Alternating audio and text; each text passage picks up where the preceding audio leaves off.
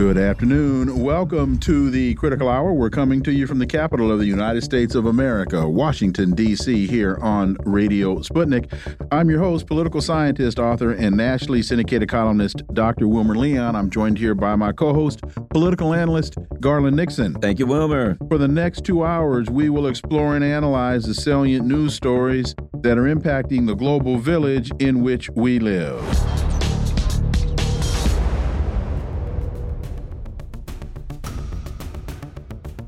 The Times of Israel reports freed Hamas hostage recounts ordeal, slams Israeli failures, speaks well of captors. Yocheved Lifshitz, 85 years old, released yesterday, describes hell as terrorists rampaged in kibbutz. Abductors beat her on the way to Gaza. She was taken into a spider web of tunnels and then treated with care. Why isn't this part of the story being told in this manner in Western media? For insight into this, let's turn to our first guest. He's an award winning journalist and reporter based in Beirut, Lebanon, Laith Marouf. As always, Laith, welcome back. My pleasure to be with you. So, and this is this story is from the Times of Israel. After being taken to Gaza after some three hours of walking, they reached a large hall where about 25 other hostages were gathered. Quote, they told us they believe in the Quran and would not harm us, that they would give us the same conditions as they have in the tunnels. Uh, she was speaking of her captors. A medic and a doctor came, and the hostages were put on mattresses. The doctor returned every couple of days and the medic arranged for medicines. The treatment was good, she added, describing how the medic treated another of the hostages who was injured. She said her captors made sure the conditions were sanitary. They cleaned the toilets, not us. They were afraid of contagion. Laith, th this in no way condones any type of aggression or, or, or atrocity on either side of the argument. My point here is simply that when you turn on mainstream Western media, you don't hear about sanitary conditions. You don't hear about the medical support that was being provided. You don't hear that she, as she says, she was told they believe in the Quran and will not harm them. There is a lot of the story that is being omitted on the Western side of this story. Uh, let me just add this: doesn't sound like human animals, does it? That's what we're not told much. about no, about the no, about not the, any human animals I'm aware of. Laith Marouf. Yeah, I mean, look at the video of her release. She uh, medics and turned back and shook hands with her captors who took care of her and fed her the same food that they were eating, and she lived the same conditions that they were living. Um, um, in comparison, there is now over 10,000 Palestinian prisoners in Israeli dungeons. Uh, 5,000 of them uh, rounded up in, from the West Bank just in the last two weeks, doubling the number of uh, hostages and captives that the Zionists have. And of course, we know that the Israelis refuse medical treatment to Palestinians in their uh, dungeons. They torture over the last, uh, you know, two weeks since this war began. The Israeli uh, prison authorities handed over all control of the prisons that Palestinians are held in to the Israeli military, who cut off all electricity electricity, water, and is barely giving people food. And they are uh, in, instilling a mass torture campaign on uh, Abu Ghraib style, beating people uh, on a daily basis and humiliating them. Um, so this is the difference between a occupier colonizer who feels that they need to break the will of the of a people and thus uses torture and a colonized people that is trying to liberate themselves from oppression but are refusing to become their own oppressor as the zionists have become the copy of their oppressor the nazis. So uh, the uh, and this is not the first uh, by the way, prisoners that were released by Hamas or videos of prisoners that Hamas released that showed how much uh, good treatment these prisoners were receiving. And uh, one last thing I could I would say is that the Israeli government seems to be intent on having all these prisoners die inside Gaza rather than come out and tell the truth that was we just heard from uh, this woman after her release. It is a huge uh, propaganda, uh, you know, loss for the Zionists who have been telling us that somehow uh, uh, Israeli women that were captured were being mistreated or sexually assaulted or what have you. And, and this, let me quickly add, because some listening may say, well, maybe the West did not get this side of the story. No, this was, this came through, as it's described in the Times of Israel, a widely attended press conference. And looking at the photos, these are the same photos that are being shown here. Western media had access to this. They've just ch chosen to be very selective in the story that they tell. And, and, and the last, uh, this one of these last paragraphs, uh, not the last paragraph, but this paragraph is particularly enlightening, I think. They say the Kan public broadcasters reported Israeli PR experts calling the decision to put Lifshitz in front of the camera a mistake. It noted that international media was now reporting on Hamas kindness and taking care of the hostages' needs. Here's the thing about it. As a journalist, you report what's there. They're saying this person came out. This person is an Israeli citizen, a senior citizen, and came out and, and she said, Well, when we got taken, uh, we were hitting with sticks, beaten with sticks. They're fine with that. And then here's the other side when they went in. It is just kind of raw information and data from a person who experienced that. And it's obvious that they don't, basically, they're just saying people shouldn't know the truth. They should only know the part that makes the adversaries look bad and makes us look good, Laith. And here's another element which I think contributes even more greatly to what you've just described. She said the lack of knowledge by the IDF and Shin Bet about what Hamas had been planning hurt us badly. We were the scapegoats for the leadership. The signs were there ahead of the onslaught, including balloons flown over the border to set fire to kibbutz fields. Uh, she said, and the IDF somewhere didn't take it seriously. Laith Marouf.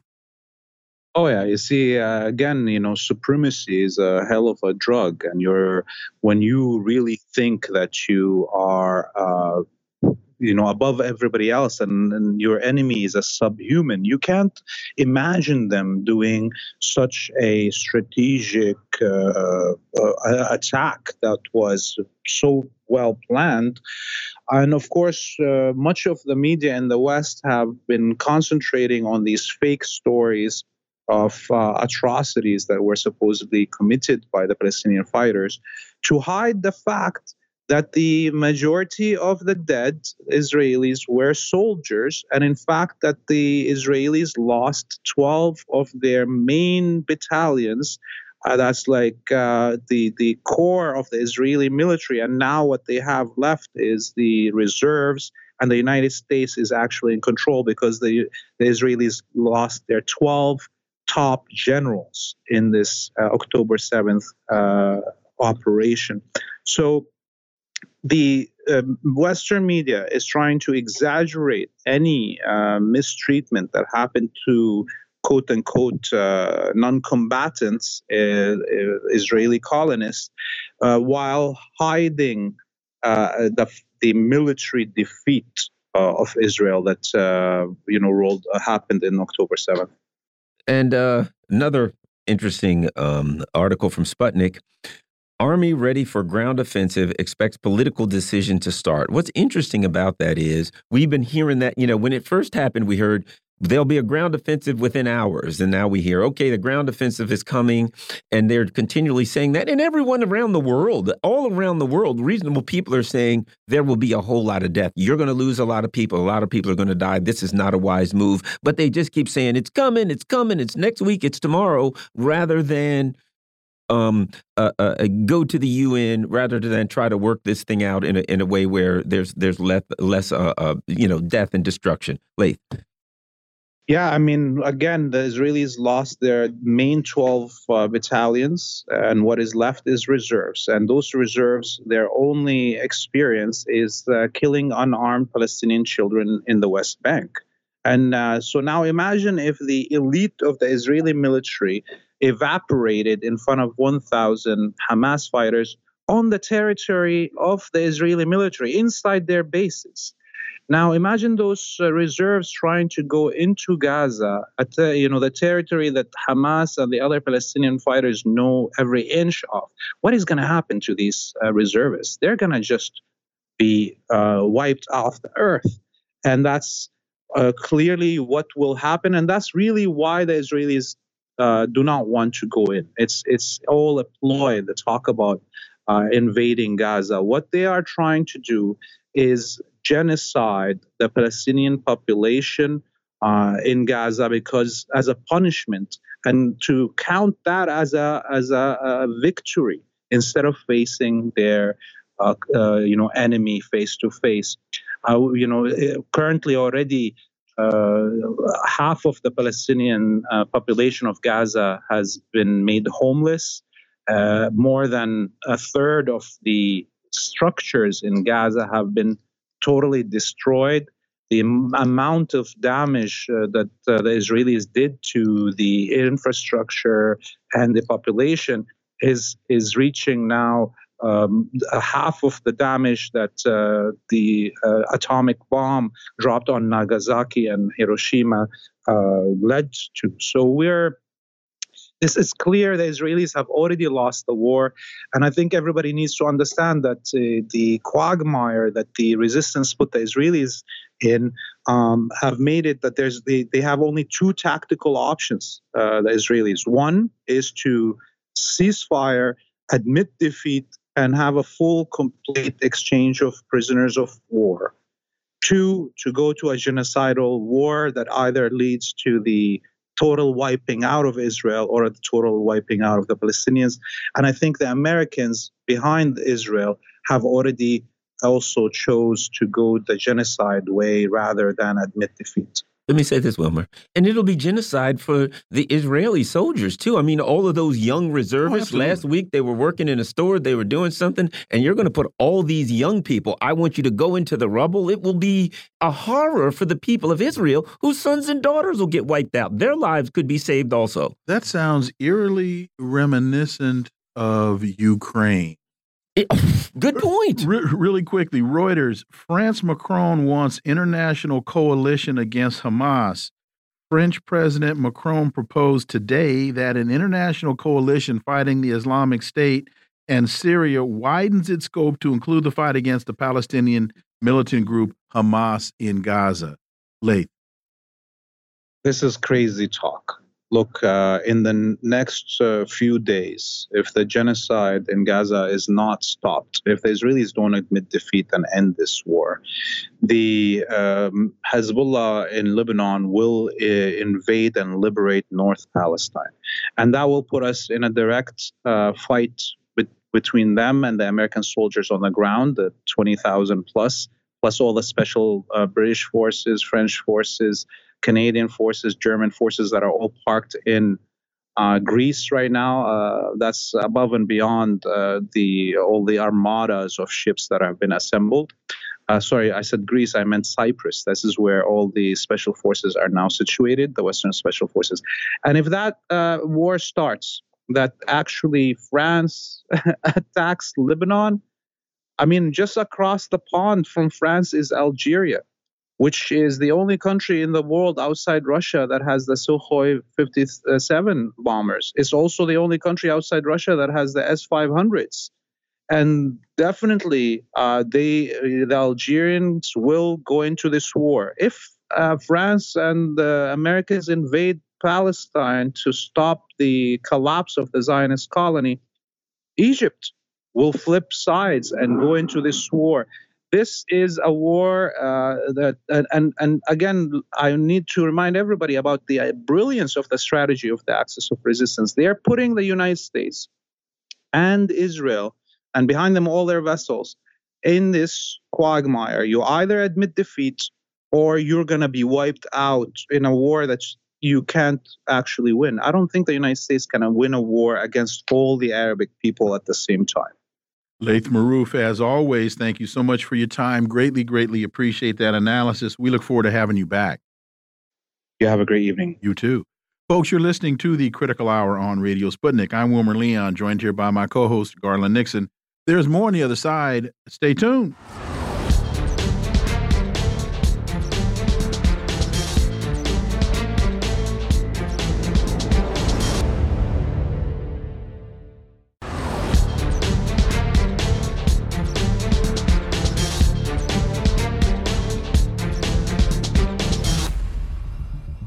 We are back, and you're listening to the Critical Hour on Radio Sputnik. I'm Wilmer Leon, joined here by my co host, Garland Nixon. Thank you, Wilmer.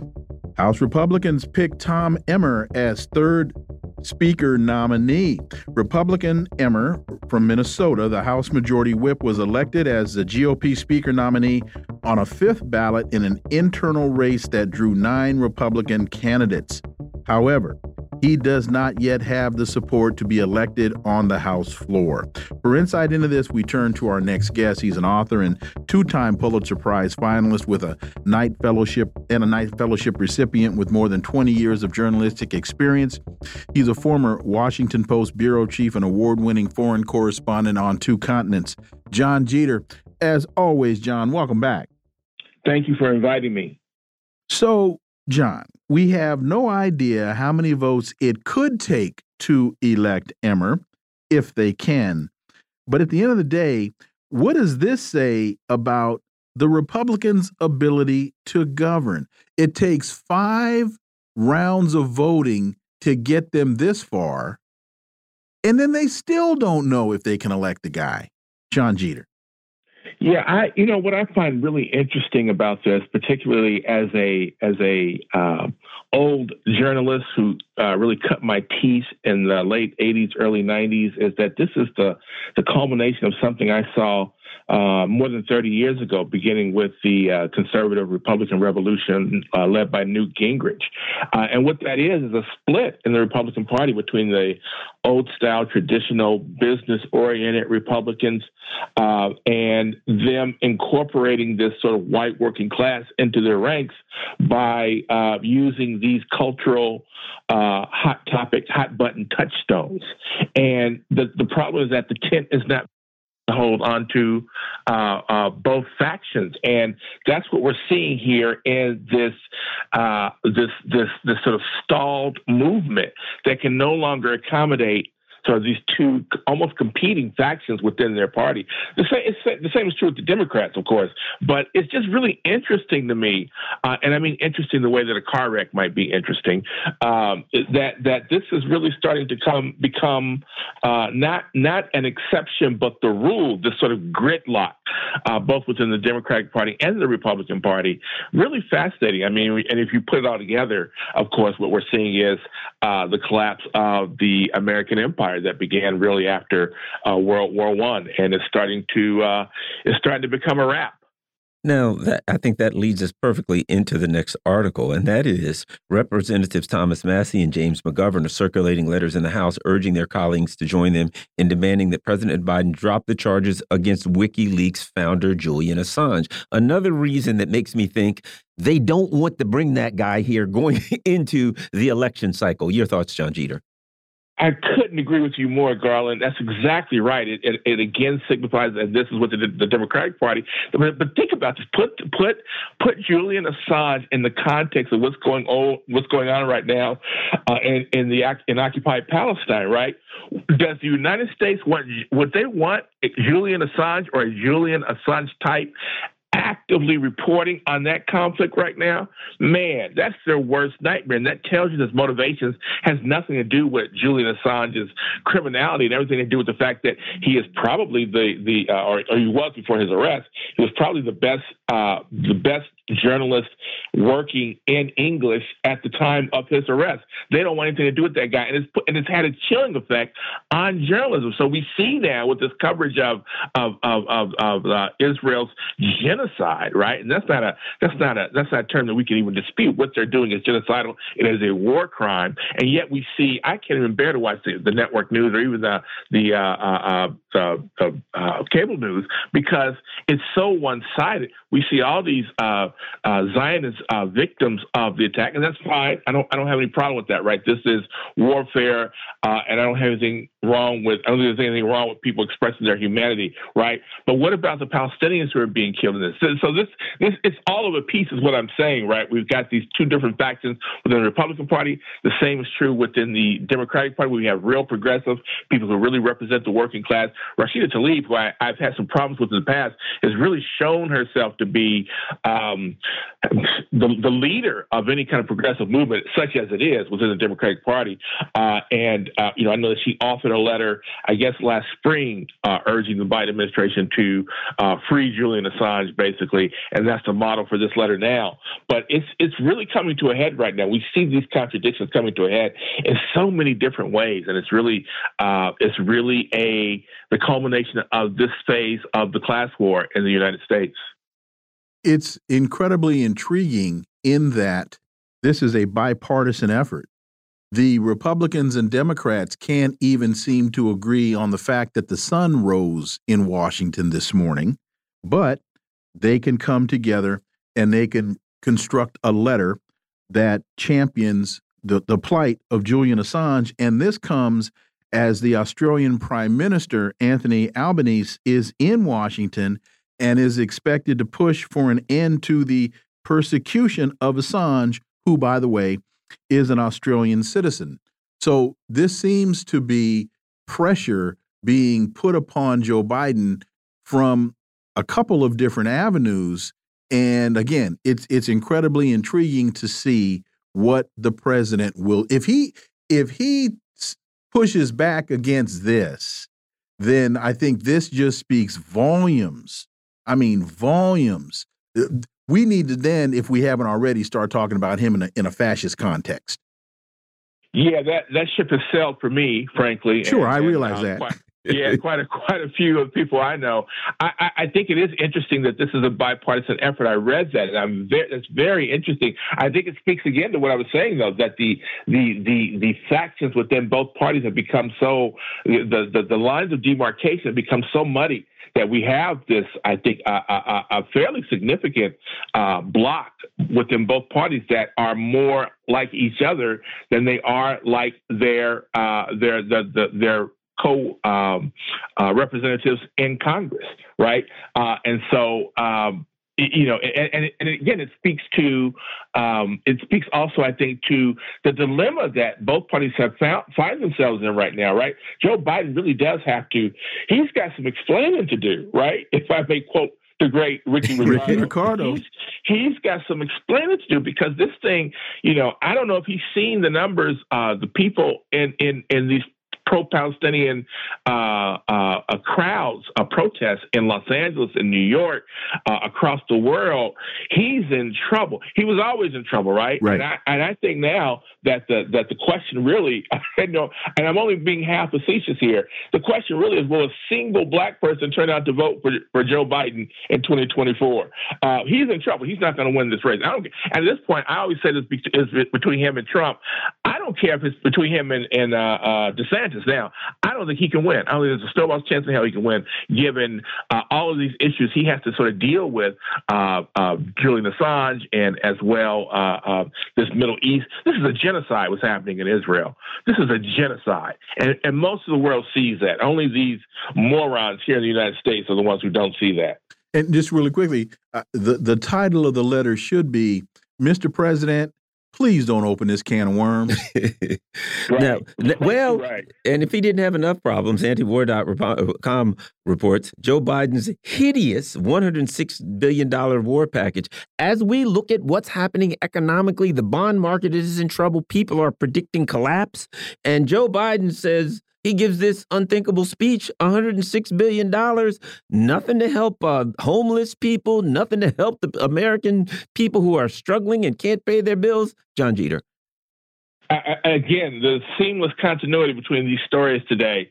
Uh, you know, the, the, the, bond issue, the the financial issue is something that gets so little play in the in the legacy news media, and it is huge, right? So you you got Joe Biden talking about 106 billion dollars for uh, uh, uh, Israel and for Ukraine, uh, but at the same time, that 250 million dollars that it would have taken to solve the water crisis in Flint never happened. Mm-hmm. Does he think people? Do you think? Does he think people are not capable of connecting the dots to understand the, everything for Ukraine and nothing for the people, which, by the way, is a mostly black city. Nothing for the people in Flint or Jackson, Mississippi, which had which is suffering basically the same crisis.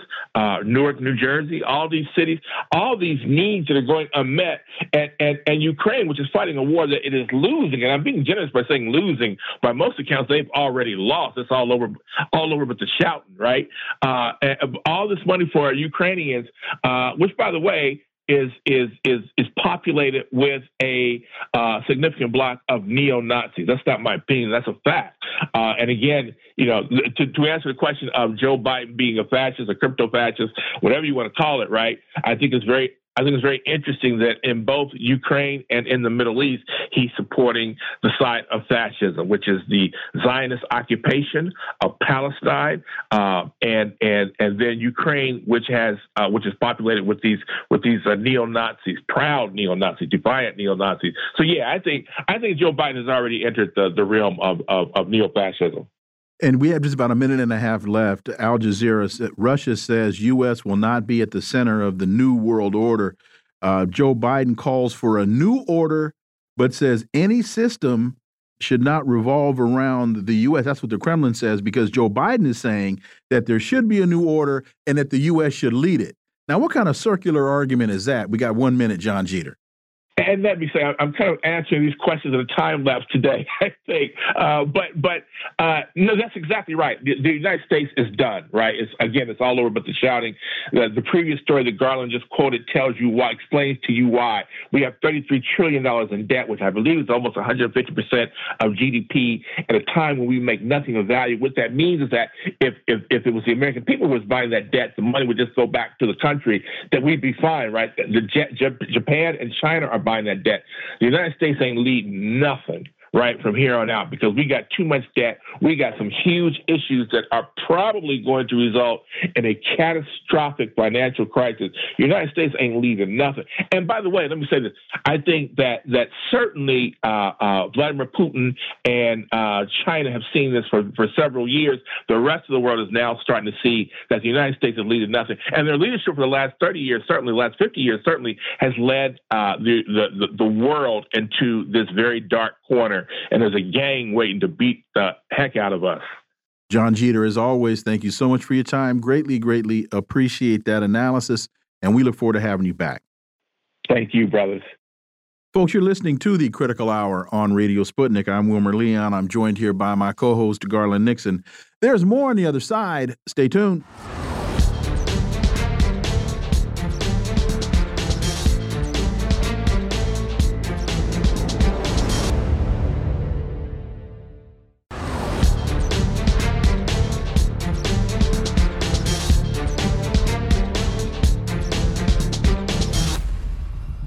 We are back, and you're listening to the Critical Hour on Radio Sputnik. I'm Wilmer Leon, joined here by my co host, Garland Nixon. Thank you, Wilmer.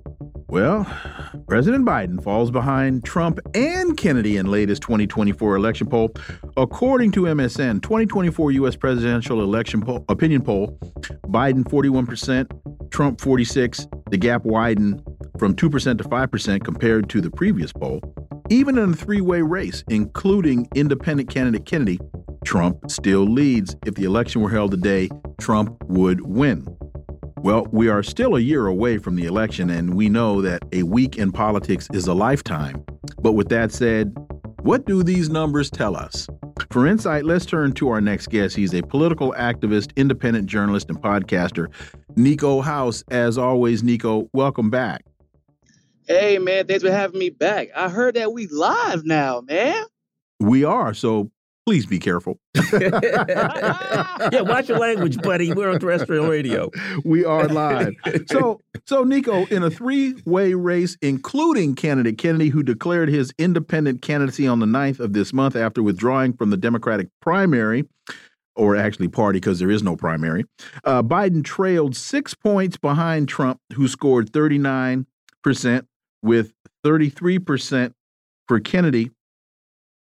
Uh, I'm sorry, with 33% for Biden and Kennedy receiving 19. In a three-way race, when asked who would you vote for if you had to choose, to the 9% of respondents who answered, I don't know, Trump led with 42% over Biden 36. I could give a whole lot more numbers, but I think we get the point. Niko House, what does this tell us? Well, one, it tells us that Biden is in trouble because if these polls hold consistent uh, with other polls that obviously should be coming out uh, over the coming months, that means that regardless of what happens, Bobby Kennedy is going to be on the debate stage. That that's the first thing I hear whenever I when I when I think about the polling numbers, polling at 19, 20 percent uh, after going independent. Which so apparently it also means that Kennedy, although his stance on Israel has obviously left a lot to be desired, uh, the, the bottom line is people are rewarding him for leaving the Democratic Party uh, in a way that a lot of people said would happen to Bernie Sanders if he had chosen to leave the Democratic Party in 2016 and then eventually in 2020, or at least leave the Democratic primary, rather. Um, it also says that Trump might be the most untouchable politician in the history of the world. Good God. Uh, I've, I've said it before and I maintain still that Trump could be in jail. He could be in Fulton County Jail in Georgia and still win the election uh, if Biden's going to be the the primary uh, the the primary victor for the Democrats. So that is should be worrisome for the Democrats. Um, just the fact that they can't seem to do anything with Trump, no matter what they do, seems to become more popular. They've tried to smear uh, RFK Jr. disingenuously, seems to have only made him more popular. And even with the, the actually what's crazy is RFK Jr. might be doing better if he didn't have the blunders over the last couple of weeks. That's the scary part. Eventually, uh, you know how politics goes. Like you said, a week is a lifetime. Three, four weeks from now, perhaps people won't even remember his comments on Israel Palestine, and his numbers could jump up even more as he differentiates himself from from Biden Trump. So ultimately, what it's looking like is that Biden is going to have to see uh, uh, Bobby Kennedy on the debate stage and Trump as well and, you know, outside of the Israel Palestine conflict, Bobby's better than all of them on basically every issue. So it's going to be interesting to see how this uh, race shapes up. Well, I think Biden's biggest problem on the debate stage won't be the debate. It'll be finding his way off the stage after yeah, after the debate without a without a uh, you know without a uh, a service dog. But that being that being said, I'm looking at an article right now I will never vote, vote Biden. Some Muslim Americans in a key swing state feel betrayed by the uh, president. I was telling Wilmer, a relative of mine from Baltimore City, talking to him recently about um, Biden, and he was like, and this was a guy who was, you know, hey, we got to vote for Biden, blah, blah, blah. And 20, he's like, there's no way. I'm like, well, what are you going to do? What are you going to do come election day? He said, I'll be home raking leaves. And I think the issue is a whole lot of black folks and and and um uh, Muslims and people of color who are looking at this Israeli thing, feeling like, you know, at least minimum, go to the UN, go along with the resolution that says a ceasefire and things of that nature, and try to get, you know, the violence stopped. And Biden and the team won't even do that. He's going to lose the people of color. They're going to be home, um, Niko. Uh, fake, just fake us fake into thinking that you actually want peace. Just, exactly. Or did you yeah. care about the people? Care it's about Halloween. Somebody. Put on a put on a peace mask and go door to door trick or treating for peace. Right. Fake us you're, into you're, it, Joe. You're please. a politician. Since when do you have a problem with lying about your actual intentions? Right. Like at least pretend you want the peace. But a lot of Muslims, specifically, I imagine, feel extremely betrayed because how many of them actually came out in droves because they thought the Democratic Party, and specifically Joe Biden, was going to be something different than what they had seen uh, from Donald Trump. Right? How many of them came out uh, and voted? And we we know that they probably shouldn't have, but there are a lot of new voters who may not be familiar with Biden's history, and yet despite the fact that they all came out to support him uh, by a great majority, this is how he repays them by uh, by by putting up a facade, right, as if he is going to send this aid to Gaza, that he is trying to work on peace. Meanwhile, at in the same day he announces the aid and tries to take credit for it, he's he's allowing, uh, of course, with his full knowledge, the U.S. to veto any type of peaceful resolution between Israel and Palestine, uh, knowing that that obviously means the aid will likely not get to Gaza. And then, of course, he approves the the billions and tens of billions of dollars to Israel, which is the whole reason Gaza needs aid to begin with. So I imagine that the Muslim community feels betrayed to the point where they might vote for anybody except for him. Speaking to the point of turning out the disenfranchised, which is what Garland and I have been talking about for the last couple of months when we look at independent candidates. Now, Kennedy will be on the the debate stage. So I don't think the polls really reflect the power of Kennedy because of the disenfranchised that Kennedy is going to motivate. What does this say to you about Dr. West and his mm. withdrawing from the Green Party? Because I think he did himself an incredible disservice by making that move out of the Green Party. Because what I saw in Dr. West was energizing the disenfranchised. And as an independent in a no name party, um, I have no idea where he goes now. It, it's it's interesting, right? So there's the reality that maybe leaving the Green Party for Dr. West wasn't a smart move. Personally, I actually didn't see a problem with it uh, because I understand that the inner workers of the Green Party require that you actually echo the majority of their talking points and you cater to their talking points uh, in a way that he might not agree with. Actually, Jill Stein actually spoke to this during an interview with Sabby on Revolutionary Blackout Network. Uh, that's part of the reason that she's had some internal struggles with the Green Party because she has different viewpoints. And she believed that Dr. West didn't want to cater to that. But the truth is, if Dr. West was handling this uh, more strategically, it actually would be easier for him to get on the ballots if he had started already as an independent candidate versus a Green Party candidate, because despite the fact that Jill had worked so hard to get on so many ballots, and then subsequently even Howie Hawkins got on a lot of ballots, the truth is they had to run uh, in certain states, important states, they had to run gubernatorial candidates and garner a certain percentage of those votes to maintain ballot status, and they didn't do so. And uh, it's almost like there was some revelation about how difficult it would be to actually get, regain ballot status again, uh, which he would have to then work with the state parties to do so, and not all of them were happy with him. Uh, I think that that's part of the reason that he decided to go independent. But I think that it also speaks to the fact that uh, I think Garland actually put it best. Uh, there is a disconnect between Dr. West um, and the the community of academia that he seems to try seems to be trying to ingratiate himself with uh, and I would say the activist community of academia, even, and the working class, because th- there was a there was an opening for him that I see closing more and more every day, and it, it is perfectly preventable.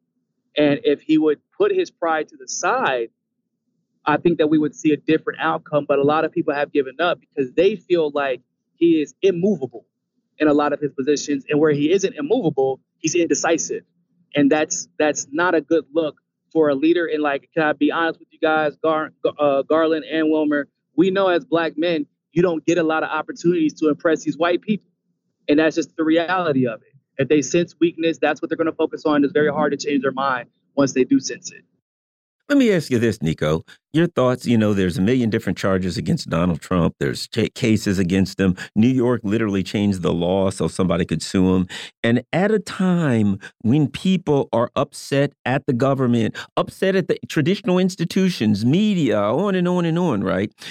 In a way, does it seem like it almost gives Donald Trump street cred? Like, hey, all of these systems and media and government that you're unhappy with, that you think they're terrible, they're all out to get Trump. And Trump is a smart guy. He knows how to play off of that. That there's something about that that will make people think, hey, you know what? Eh, they're all out to get him.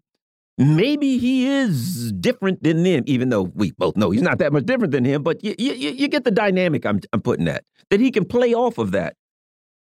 I mean, I wouldn't say almost as helping him. I mean, I've never seen a president or a presidential candidate, excuse me, put their mug, like they get a mug shot and they're like, I'm gonna put this on a t-shirt.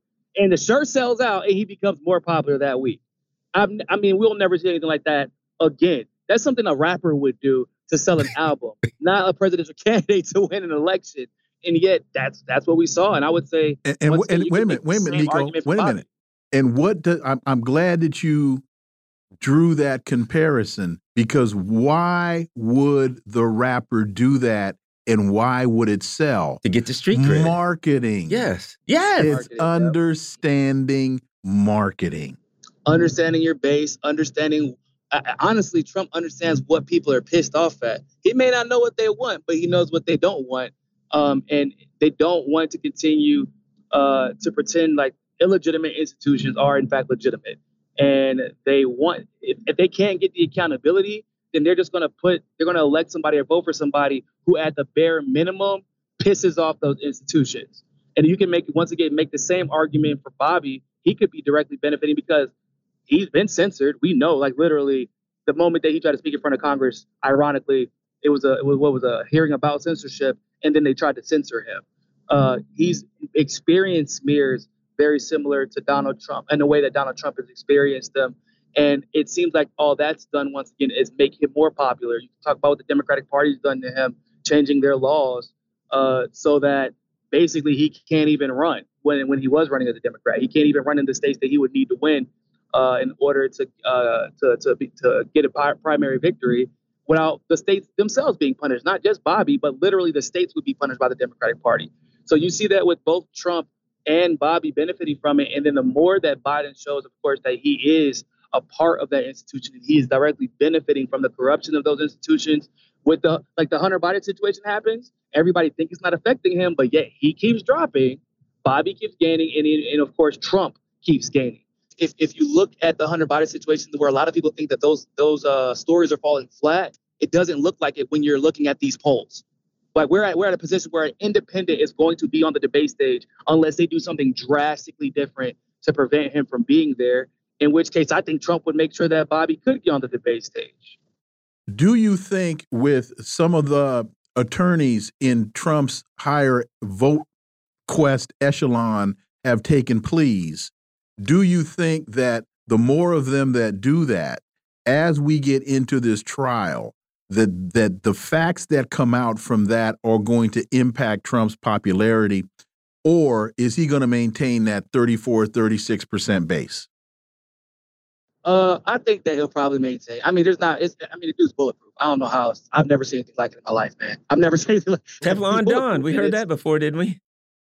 Yeah, I'm serious. Like he said, hey, I could shoot somebody in the middle of town square and I'll right. get more popular. I mean, apparently he wasn't lying. Yeah, you know what? I, I think the people that I've talked to have already come to the conclusion in their mind that the, the trials are illegitimate. So whatever exactly. comes out in the trial, they're going to discount. Okay. Niko House, as always, thank you so much for your time. Greatly, greatly appreciate that analysis. We look forward to having you back. Thanks, guys. Appreciate it. Folks, you're listening to the Critical Hour on Radio Sputnik. I'm Wilmer Leon. I'm joined here by my co host, Garland Nixon. There's more on the other side. Stay tuned.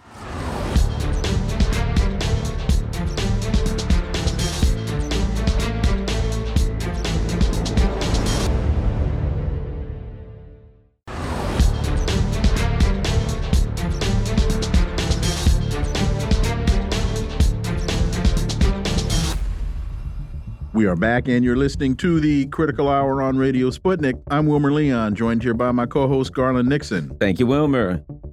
President Biden says the U.S. intends to establish a new world order.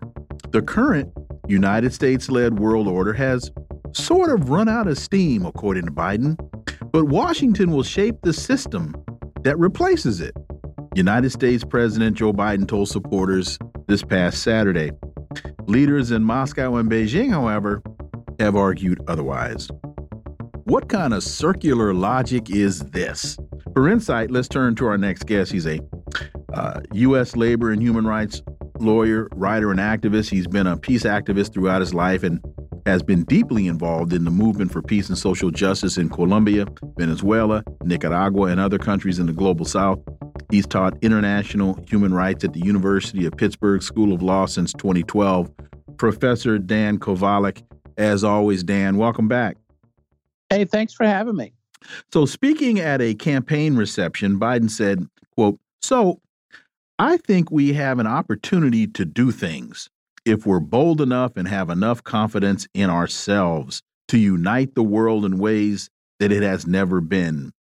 We were in a post war period for 50 years where it worked pretty damn well.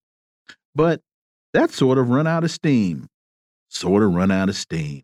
We need a new world order in a sense, and the United States will lead it.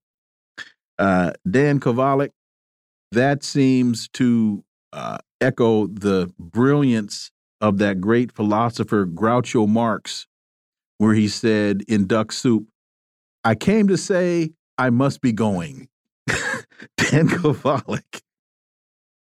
Yeah, no, it is incredible, shows an incredible lack of insight into where the world is heading at the moment. I don't think the US is in a position to lead anywhere. Or that is to say, I don't think the rest of the world will follow.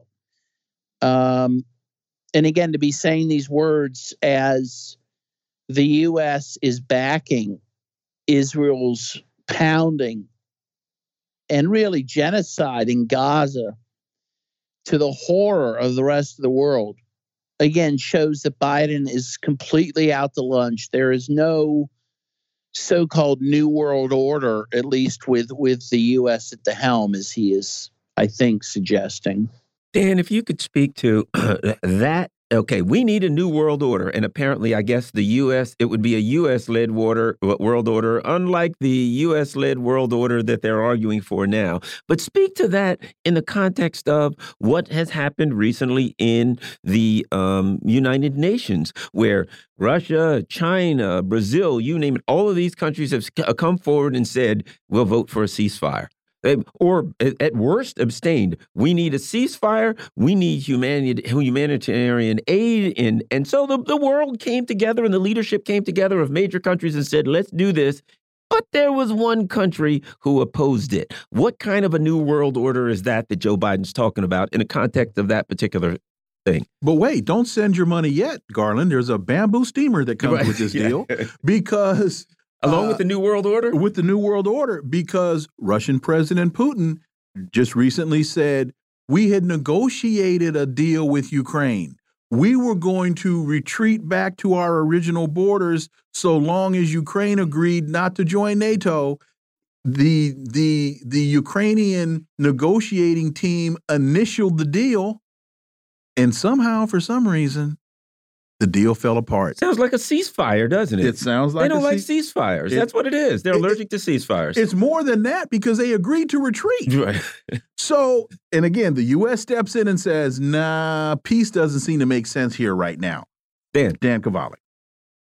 Yeah, no, it's an incredible thing. The U.S. really is killing peace throughout the world, and as you say, as the rest of the world searches for peace, I think. Uh, you know, as you say, the Security Council, I believe there were three resolutions uh, that uh, the U.S. vetoed. Um, one for ceasefire, one to protect civilians, and the third one, yes, I believe, to, to allow for, for humanitarian aid to get in. Yes, and the U.S. was the only country in the world to veto that. That's an incredible uh, situation. And again, really, Biden at this point is like the tuba player going the wrong way in the band, and he blames the rest of the band for going the wrong way. Um, and as you mentioned, now it's it's clear, and Gerhard Schroeder, who had been the chancellor of Germany, has confirmed what others have said that the U.S. prevented a peace deal in Ukraine, which could have ended the war really within about a month of it. That's right, because it was April this thing started in February uh, 22nd or 23rd, and, and this was April when they met. Right. The, the hundreds of thousands of people who could have been saved with that peace deal it, again, it's unthinkable that the U.S. sacrificed all those lives. And for what?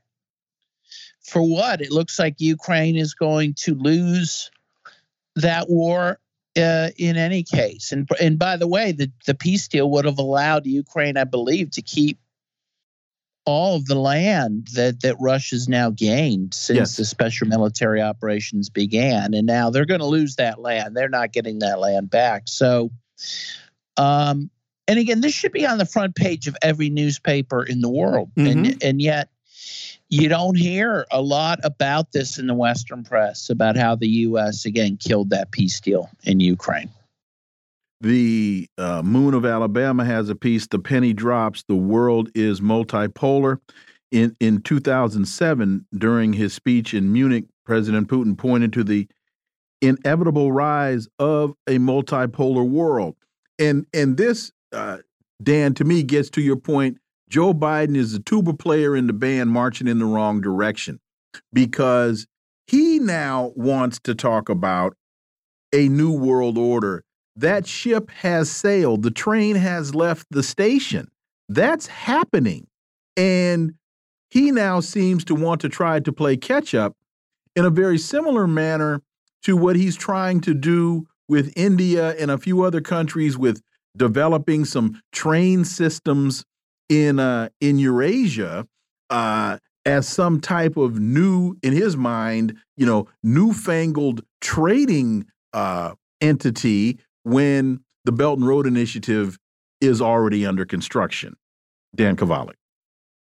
Yeah, I mean, as you say, there there already is a new world order, and it's one that's now being led by Russia and China, and the U.S. is out in the cold and it's it's it has no one to blame but itself. And Biden is a big uh, part of the blame here because of his again unwillingness to deal with Russia to first of all prevent the war in Ukraine and then is you know killing peace after it started.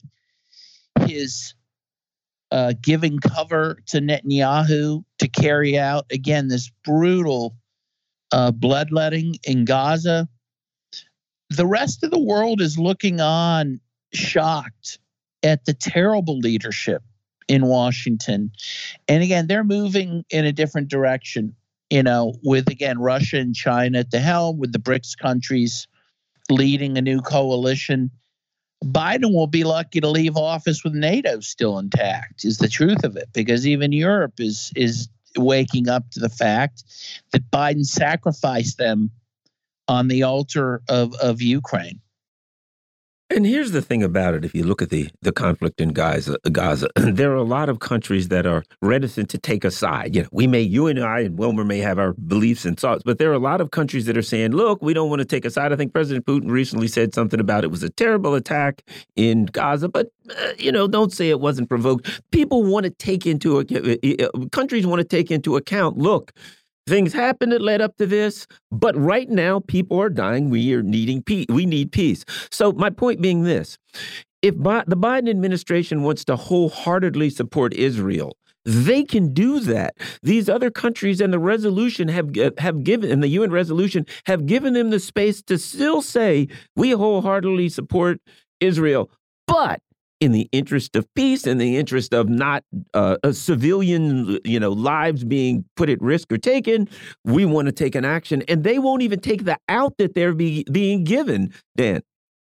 Yeah, I mean, no, it's it's pretty incredible. Again, Biden went to Israel very shortly into this conflict. He he patted himself on the back for being the only president he said that went to Israel uh, during wartime and instead of being a leader who, as you said, could have stood by Israel, but also told Israel, hey, you, you know, you can't you can't destroy Gaza here. You have to find a way to to negotiate with the Palestinians. Instead of doing that, he simply gave cover um, to Israel's crimes, and he's now going to have to eat that. He's going to have to own that um, that he is now part of those crimes. And again, the world knows that. No one, no one sees it any differently. Um, as the U.S. as Biden has uh, American warships um, sent to the Middle East to back up Israel, um, is is now having troops get ready to to back Israel in this. Um, Biden is now part of the crimes that Israel's uh, carrying out in Gaza, and he will rue the day that that's the, the path he took. Professor Dan Kovalik, as always, thank you so much for your time. Greatly, greatly appreciate that analysis, and we look forward to having you back. Thank you. Folks, you're listening to the Critical Hour on Radio Sputnik. I'm Wilmer Leon. I'm joined here by my co host, Garland Nixon. There's another hour on the other side. Stay tuned.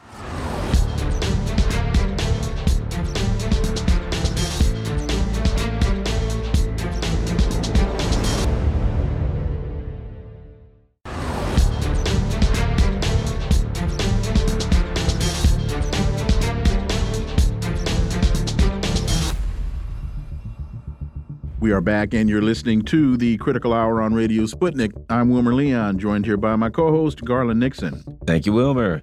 Antiwar.com reports the mounting evidence that the U.S. blocked peace in Ukraine. On June 13th of this year, taking questions from war correspondents at the Kremlin, President Putin confirmed what had already been reported that Russia and Ukraine had reached an agreement in Istanbul peace was possible. The tentative agreement would see Russia withdraw to its pre war position in exchange for a Ukrainian promise to give up its NATO aspirations. Well, if that's the case, then why are Russia and Ukraine still fighting? For insight, let's turn to our next guest. He's a Moscow based international relations and security analyst, Mark Sleboda. As always, Mark, welcome back. Dr. Leon Garland, thanks for having me. It's always an honor and a pleasure to be on the critical hour. So the story continues. Putin's claim that a tentative agreement could have stopped the war on terms that satisfied both Ukraine and Russia in the days before the massive Ukrainian loss of limb, life, and land, if not for U.S. obstruction, has now been verified by four independent sources. Mark, let me tie this to another story.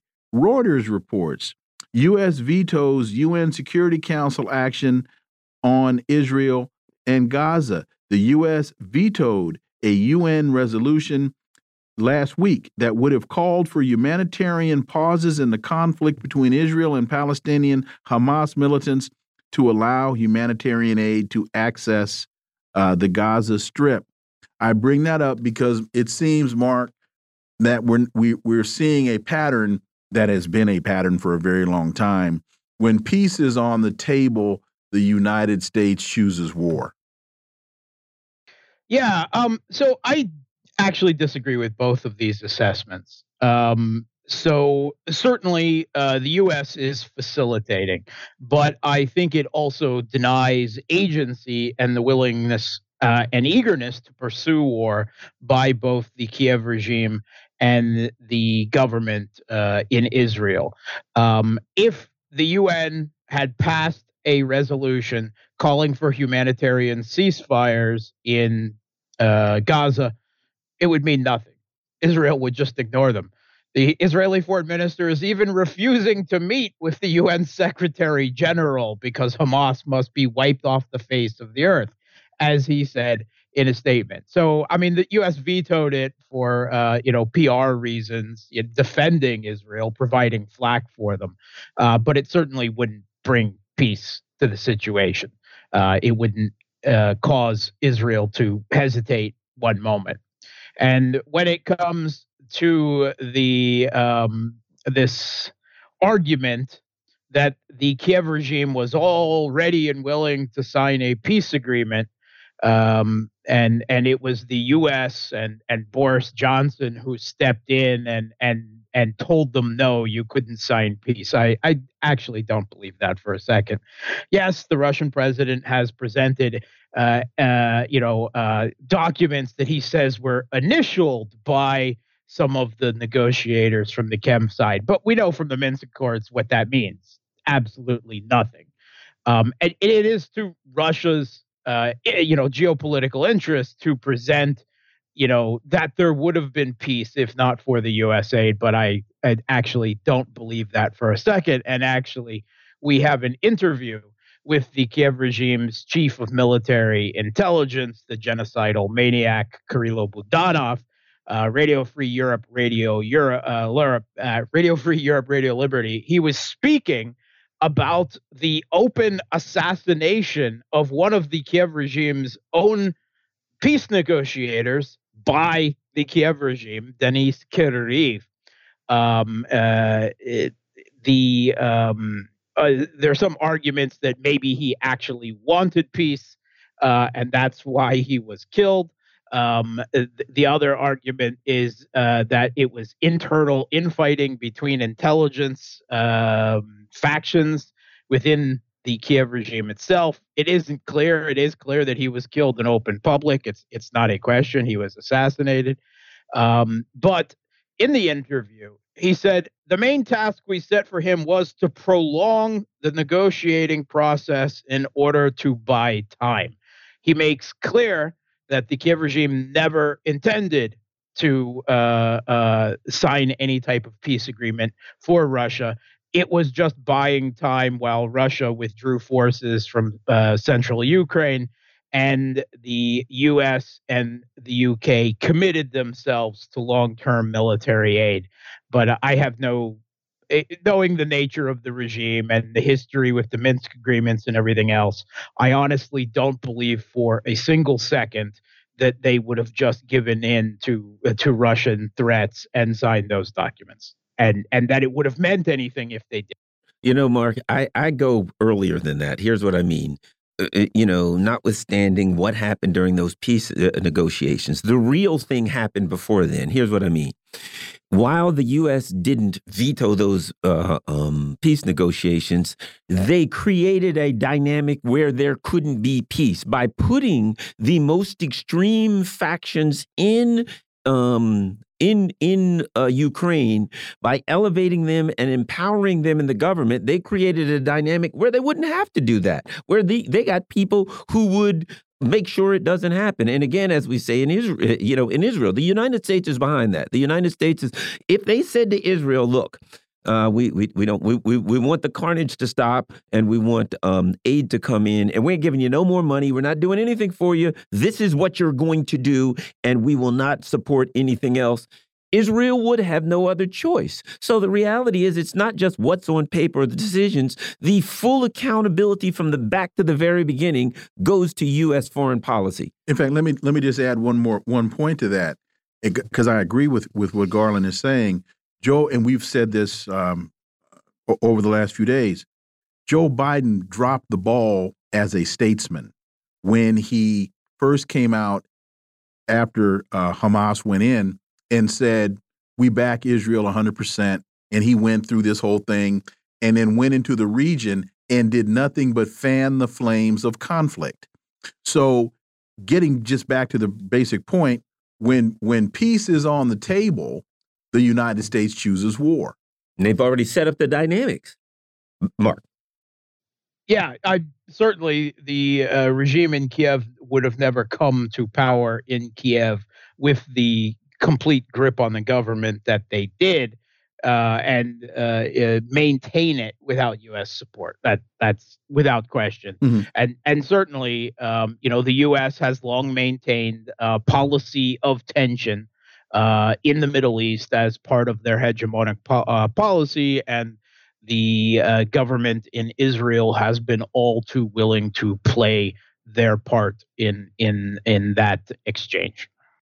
Interesting story. Erdogan submits Sweden's NATO bid to Turkish parliament. The Turkish president Erdogan yesterday submitted Sweden's NATO bid to Turkey's parliament, bringing Stockholm's entrance into the Western military one step closer. And I think, Mark, you had been saying for a very, very long time that this was inevitable, that Erdogan was basically playing both sides against the middle, that he was trying to extract his pound of flesh and it seems that he has gotten whatever it was that he's looking for, and now he's moving uh, Sweden's NATO bid forward. Your thoughts, Mark Sleboda? Yeah, he's he's quite obviously horse trading as he has been all along. Um, and uh, his uh, uh, sweetener to to uh, complete this deal and approve Sweden was the F-16 deal from the Biden administration. Um, and the main person blocking the F-16 deal was Senator Bob Menendez, um, a Democrat. Um, well, uh, over the recent corruption uh, allegations, uh, charges against him, he stepped down as the head of the Senate Foreign Relations Committee. Um, and um, uh, Erdogan has made quite clear that Turkey's approval of Sweden's NATO hinges on hinged on that F-16 deal. Um, and now that Menendez is stepping down, that has provided an opportunity to get the deal done. So it has been for- forward to the parliament. Erdogan has made his gesture. He will expect a partial gesture in return from the, the U.S. Uh, uh, on the F 16 deal. And it will be a little bit back and forth until both sides are sure that they're going to get what they want out of this. It's horse trading. That's all. Let me ask you this in light of what's happening in um the, uh, you know in Gaza right now and the you know there were people on the streets in Turkey and all the Muslim countries is it possible that the um you know the the uh, um, politicians in um Turkey may not send this thing back to Erdogan with a thumbs up on it I don't actually think so I think Erdogan uh, is a keen geopolitical player here. I think a lot of uh, the uh, concern expressed within the Turkish government, the hand wringing is for political theater and whatever the people on the street may think and however much they be played to. Uh, Erdogan has been pushing for this too long. Uh, and I think he has a pretty iron grip uh, on the Turkish parliament. I think he'll make sure that this quietly goes through report details how the CIA is backing Ukraine's assassinations inside Russia. We spoke with you about this yesterday, but now there seems to be even more um, support uh, for some of the speculation or some of what you presented as speculation. A report published by the Washington Post yesterday revealed how the CIA has supported covert Ukrainian attacks inside Russia, including the killing of uh, Daria Dugina, daughter of prominent Russian philosopher Alexander Dugin. And Mark, if I if I'm misrepresenting what you said yesterday, uh, you were talking about because the story yesterday was it was Ukrainian security that was involved in this, and I think you uh, said that you well they wouldn't be doing it without the backing of the CIA, and now that is being proven to be true Mark Sleboda. Yeah, we talked about this Washington Post article uh, yesterday, um, and uh, it is clear uh, that you know the the U.S. is claiming uh, the intelligence agencies when they say that they have essentially taken over and rebuilt from scratch up the uh, Ukrainian military intelligence division, the GUR, and that it has committed these targeted assassinations of what everyone agrees are civilians, right? This is uh, the daughter of a prominent uh, philosopher uh, and political scientist in Russia. Of course, you know his his um, uh, political writings are very anti-Western, um, and um, they're against what has happened uh, in Ukraine since the overthrow of the government there uh, by a U.S.-backed push in 2014, and it is supportive of Russia's intervention there. But is or the Washington Post seems to be making the argument that that's okay because you know those types of freedoms you know when uh, uh, aren't allowed uh, you know human rights uh, and so forth when they're pro-russian that that seems to be the argument they're making and there really is no question that whether the target was uh, alexander dugin himself or daria dugin who was also on the kiev regime's official mirotvorets kill list curated by their interior ministry um, that both uh, you know, were civilians, and that ultimately the act is an act of political terror. And when it's carried out by an intelligence agency, the uh, Ukrainian military intelligence that the U.S. took over and rebuilt from uh, scratch, from the ground up, then there's really no question of the very least of U.S. complicity uh, in these attacks. And, and the Washington Post doesn't really seem to mind that at all.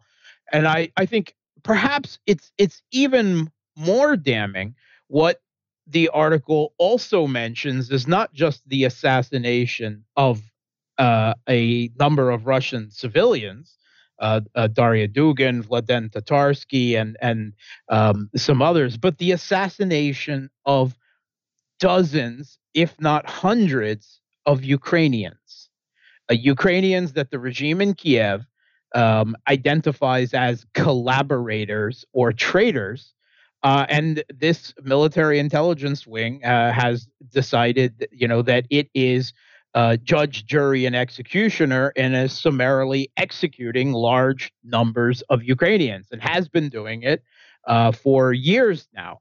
Uh, and continues on, on a nearly daily basis. And this is also regarded as something that is perfectly understandable by the Washington Post uh, even you know most of these people never served or at least a number of them never served any active military role against the kiev regime. Um, and they actually kind of describe it kind of favorably by comparing it to uh, israeli intelligence in the 1970s with the association that israeli intelligence assassinated people left and right all over the world, and that uh, the Kiev regime seems set on doing the same thing. And indeed, the aforementioned Ukrainian military intelligence head Kirill Budanov says that he will kill Russians anywhere in the world uh, as frequently as he can. Mark Sleboda, as always, thank you so much for your time. Greatly, greatly appreciate that analysis, and we look forward to having you back. Thanks for having me. Folks, you're listening to the Critical Hour here on Radio Sputnik. I'm Wilmer Leon. I'm joined here by my co host, Garland Nixon. There's more on the other side. Stay tuned.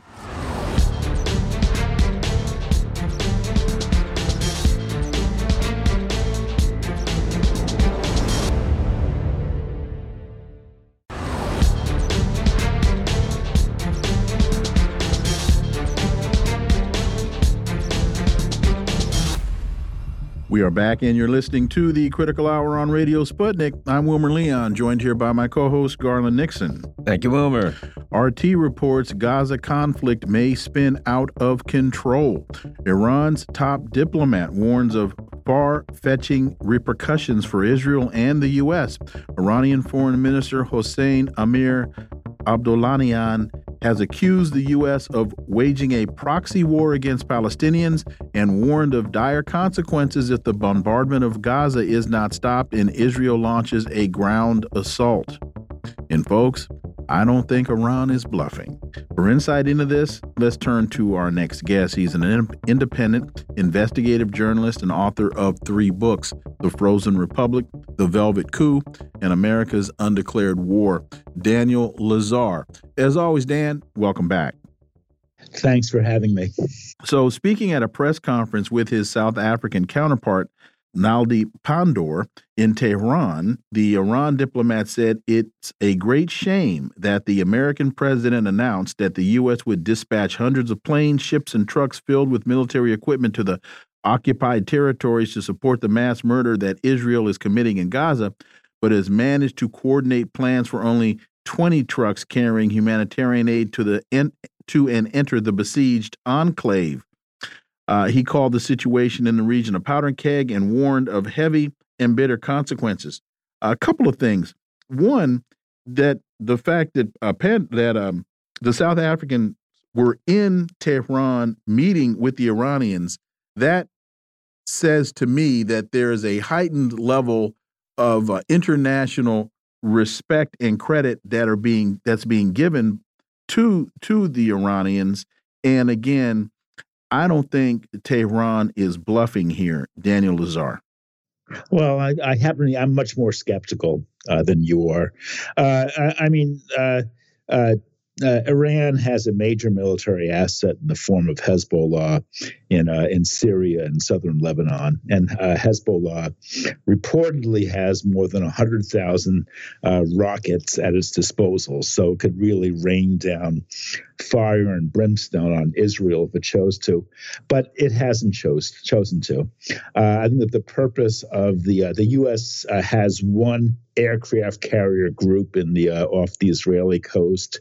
Another is making its way, and the purpose of those two groups is to make sure that Hezbollah does not intervene.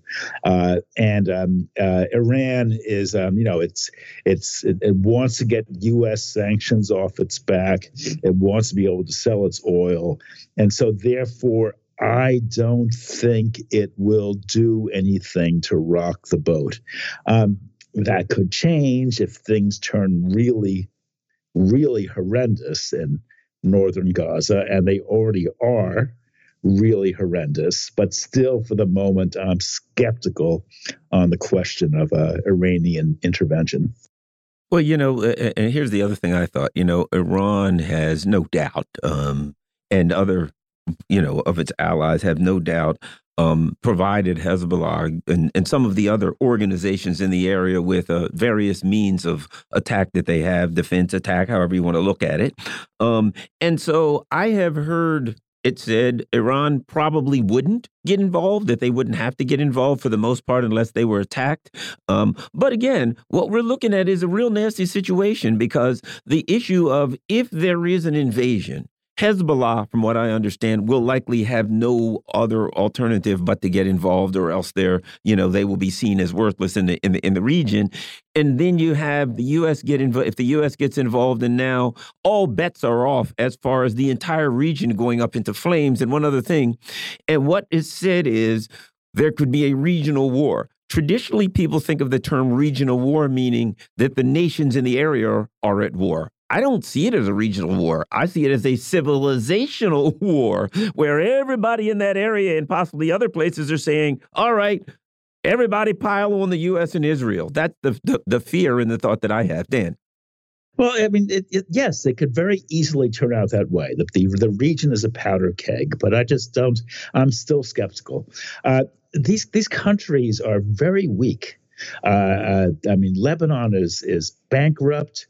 Uh, Syria, uh, it, the, the U.S. Saudi sponsored civil war uh, put Syria back by a generation.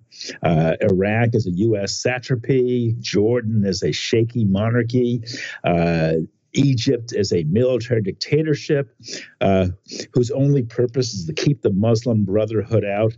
And the, the funny thing about Iran is that it's probably the one place uh, in the, the Middle East in which the popular sentiment uh, may actually be in favor of Israel. So, so unpopular is the mullah's regime.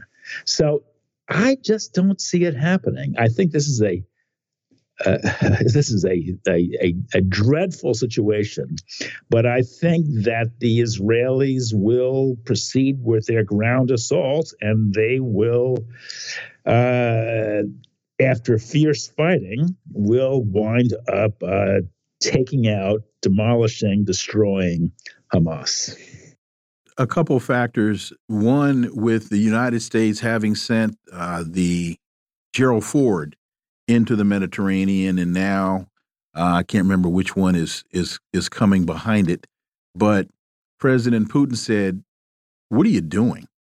And he he reminded you know the U.S. we've we've got some we've got some fighters with these Kinzhal uh, missiles that from a thousand kilometers away can can manage your aircraft carriers. So, so what are you doing? Uh, I find that to be an interesting data point into the whole thing. Uh, the Saudis have now said, you know, that whole discussion about our um, increasing our our diplomatic ties with Israel. Ah, let's put that on the let's put that on the back burner. And now you have Thomas Friedman of all people saying that Israel's ground invasion of Gaza is a terrible mistake and Israel has been saying since I guess that would be Monday the 9th that we're going in, we're going in, we're going in. and here we are, the 23rd or the 24th, and they're still not in. Uh, so I just I just throw those out there to see if if that what you think or what does that do to your calculus, if anything. Well, I, I totally agree. The Abraham Accords are just dead. They're completely dead. Uh, and that this is a real debacle for the U.S. because the purpose of the Abraham Accords was to, uh, number one, was to sit on the, the, to bury the Palestinian problem. That was goal number one. And number two, it was to arrange an Israeli Saudi alliance whose primary purpose would be to, uh, to, uh, to oppose Iran and keep China out of the Persian Gulf. So now that's, that's completely shot, totally shot for at least you know the, the, the medium term, which means that China will gain new influence in the Gulf, and there's also a possibility of, of a uh, of a Saudi uh, uh, Iranian rapprochement. But um, uh, so so the U.S. will end up being uh, isolated. Uh, in terms of the broader politics of the Middle East, as it draws closer and closer to Israel. But still, military intervention is a different as a different ball of wax, and I just don't see it happening. Uh, I think Israel will go in, and I think there will be a it'll be uh, some the fierce fi- fiercest fighting we've ever seen in the Middle East. Uh, it'll remind it's a kind of a mini Stalingrad maybe shaping up, but in some ways reminds me of the suppression, the German suppression of the Warsaw Ghetto uprising uh, in April and May 1943, where they also fought, you know, uh, in basements and hallways, door to door, amid the rubble, as they try to suppress the rebellion. And I think Israel will essentially be doing the same thing. Let me ask you this the backlash in Israel is, you know, there are people saying that uh, politically speaking, Netanyahu's a dead man walking. I saw a poll 86% of the people in Israel blame him for um, what happened on October 7th.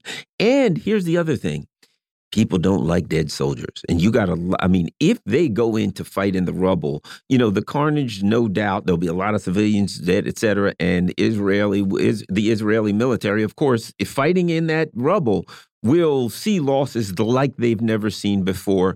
What do you think the results of that would be politically in um, in Israel? Well, the, the, the, the, results, the, the, political results will not be good. Uh, I don't know what kind of losses the Israelis will see. Uh, they are pouring uh, bunker busters into Gaza City, and those do an incredible. They, they're astonishing. You know, the, the explosions are huge. The uh, the penetration goes very deep. Uh, so I don't know uh, you know, how many Hamas uh, fighters will be able to, to emerge from, from that wreckage. Uh, so I don't know how the battle will shape up, but certainly the um, the Israeli uh, population will not be happy with uh, with dead soldiers. And I agree that Netanyahu's, you know, he's a he's a, a, walking dead man. I mean, he will pay the political price for the uh, the the awesome miscalculations that made the Hamas offensive possible. But keep in mind, the Israelis are, you know, they are up in arms to say the least over the Hamas offensive.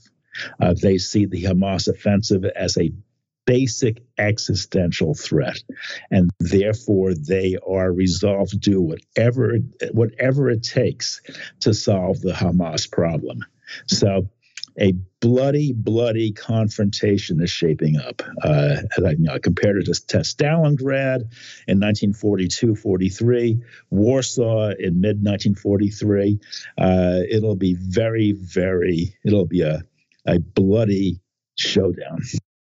And final question to the point of Netanyahu being a dead man walking and how resolute the Israelis are, could it very well wind up that you wind up with someone even more hawkish than Netanyahu, if that is humanly possible? Well, it's uh, it, yeah, it's certainly possible. Uh, I, I, mean, the politics. The, the, the, problem is is the is that the um, basically the the far right, uh, uh, the, the, the the far right of Itamar Ben Gvir uh, has come through this uh, looking really really bad. I mean, essentially, the reason the Israelis were caught short is they had all their troops in the West Bank, where they were protecting, you know, uh, Ben Gvir's bully boys as they went rampaging through Palestinian neighborhoods, you know, shooting people, smashing cars, breaking windows, tearing up olive trees, etc. Um, so they were busy over there, and no one was paying attention uh, on the other side of the country along the Gaza border. In addition, people like Ben Gvir are pushing for for more exemption more exemptions from military service for ultra Orthodox uh, Torah scholars, Talmud scholars. Um, so therefore, the the fighting falls to the secularists mm-hmm. in Israel, and and obviously they don't like that. They don't think it's very fair. They feel that they have to rescue the country from the the likes of Ben Gvir. So I think it's a huge defeat for people like Ben Gvir or Smotrich, okay. the other far right member. But we'll see how it shapes up. But I, am not optimistic. This is going to be a very hairy encounter. Dan Lazare, as always, thank you so much for your time. Greatly, greatly appreciate that analysis, and we look forward to having you back. Thank you. Folks, you're listening to the Critical Hour on Radio Sputnik. I'm Wilmer Leon, joined here by my co host, Garland Nixon. There's more on the other side. Stay tuned.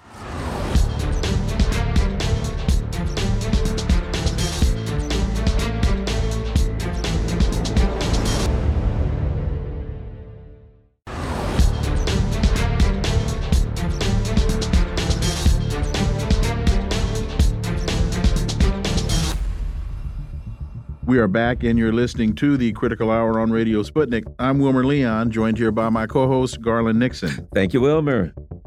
RT reports a Washington Post story CIA has spent tens of millions on Ukrainian intelligence agencies. The U.S. spy agency has reportedly been heavily involved in modernizing Kiev's intelligence services and using them against Russia. For insight into this, let's turn to our next guest. He He's a former CIA counterterrorism officer and a former senior investigator with the Senate Foreign Relations Committee. He became the sixth whistleblower indicted by the Obama administration under the Espionage Act, a law designed to punish spies. He served 23 months in prison as a result of his attempts to oppose the British administration, the Bush administration's torture program. John Kiriakou, as always, John, welcome back. Thanks so much for having me. Happy to happy to speak with you. Thank you. Uh, so the story continues that the CIA has spent tens of millions of dollars on transforming Kiev's Soviet-style spy services into a potent allies against Moscow. The Washington Post reported, and uh, the U.S. Foreign Intelligence Service has spent heavily involved has been heavily involved in Ukrainian affairs since at least 2015. I'd say at least 2014. That's what brought about the Maidan coup. But anyway, uh, right. The, the, agency maintains a significant presence in Kiev. So, John, so I think the I'll ask the why, but I think that answer is is is fairly obvious. But we'll start with the why, and then is this a good investment, John Kiriakou? Well, the the easy answer is the answer to why, uh, because these these uh, intelligence relationships that begin as nascent, um, almost parent child kind of relationships are relationships that the CIA seeks all around the world because it gives them outsized authority. Uh, think back over the decades to the CIA helping to create myriad intelligence services across the African continent, uh, in Greece, in in post World War II Italy, in France, just all over the world. This is what the CIA does. It helps to create these foreign intelligence uh, services so that it can exert control over them. Um, this was a this was a great opportunity for the CIA uh, to build the Ukrainian intelligence service from scratch. Uh, you know, I remember hearing old timers when I was at the CIA talk about having built these foreign intelligence services and actually having their own badges and their own ranks to go into these foreign intelligence services as if they owned the place. So this is a very common thing that the CIA does and has done really since the, the late 1940s. Was this, as it relates to Ukraine, has this proven to be a good investment? Well, over the short term, sure, because the CIA is able to collect uh, intelligence on uh, the Russian military, perhaps on the Russian intelligence uh, community. So, in this short term, just over the last you know year and a half to two years, it's it's probably been a decent investment. Over the long term, I would say no, because just as happened in let's say Vietnam or in Afghanistan, it has the potential to drag the CIA down into into the muck of a of a, a conflict that it really doesn't know how to get out of. And that's something that the CIA always takes a risk of doing when it gets involved with these these patron uh, organizations. There's another end of it, John, and that's this. What happens, and you know, uh, uh, let me throw this out there. You know, um, Ukraine is an extremely corrupt country, and in corrupt countries, whoever's in charge, that's who everybody runs to. You know, they're like, we love you, we hate those guys. And when the new guys come right. in power, they're like, hey, let's be friends with you now. These people in Ukraine have an incredible amount of information on the CIA because they've been working with the CIA. If they wake up one day and they say, well, the Russians are in charge now, and you know, they wouldn't be if the CIA hadn't stabbed us in the back and we're mad at the CIA, we'll fix them. We'll go to the Russians and we'll tell them everything we have. We'll give them the frequencies.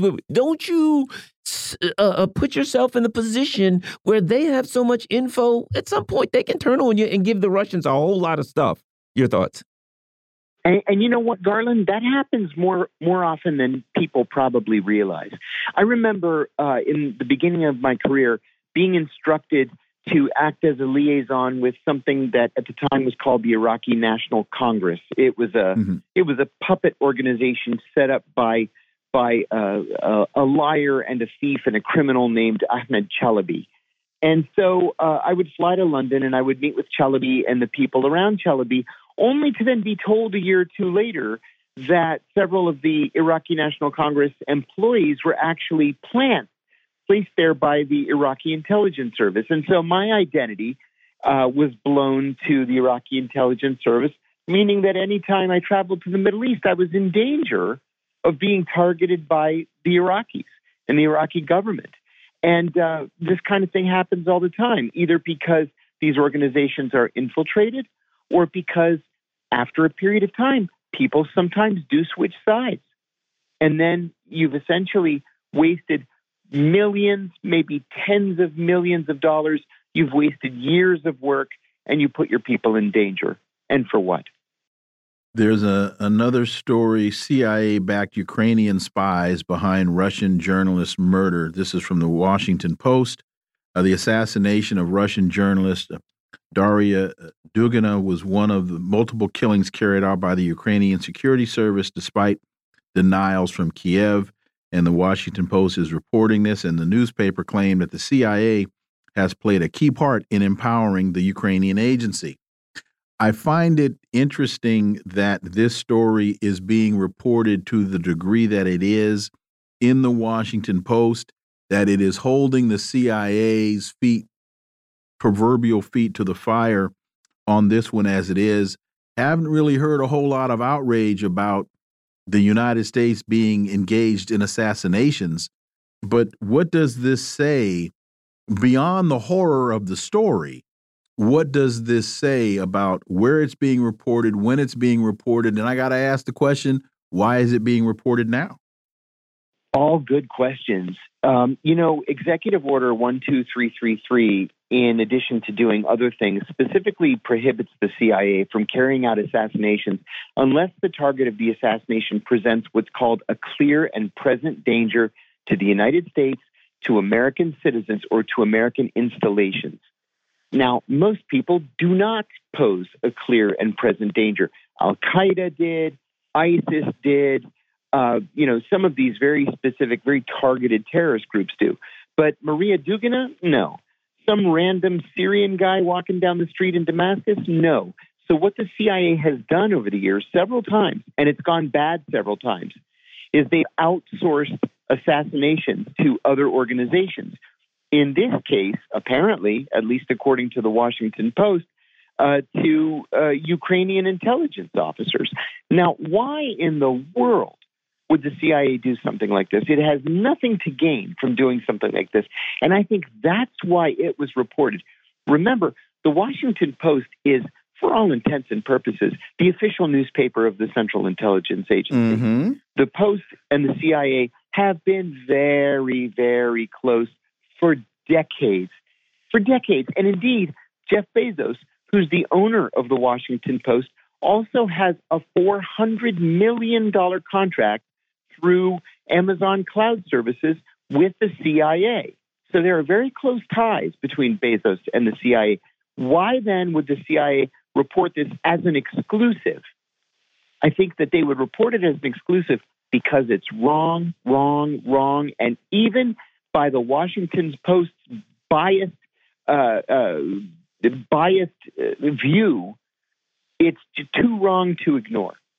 Now, one of the disappointing things. Wait, wait a and minute, wait minute, John. Probably, What what is wrong? The, the the the the story as reported that the CIA was involved in her assassination.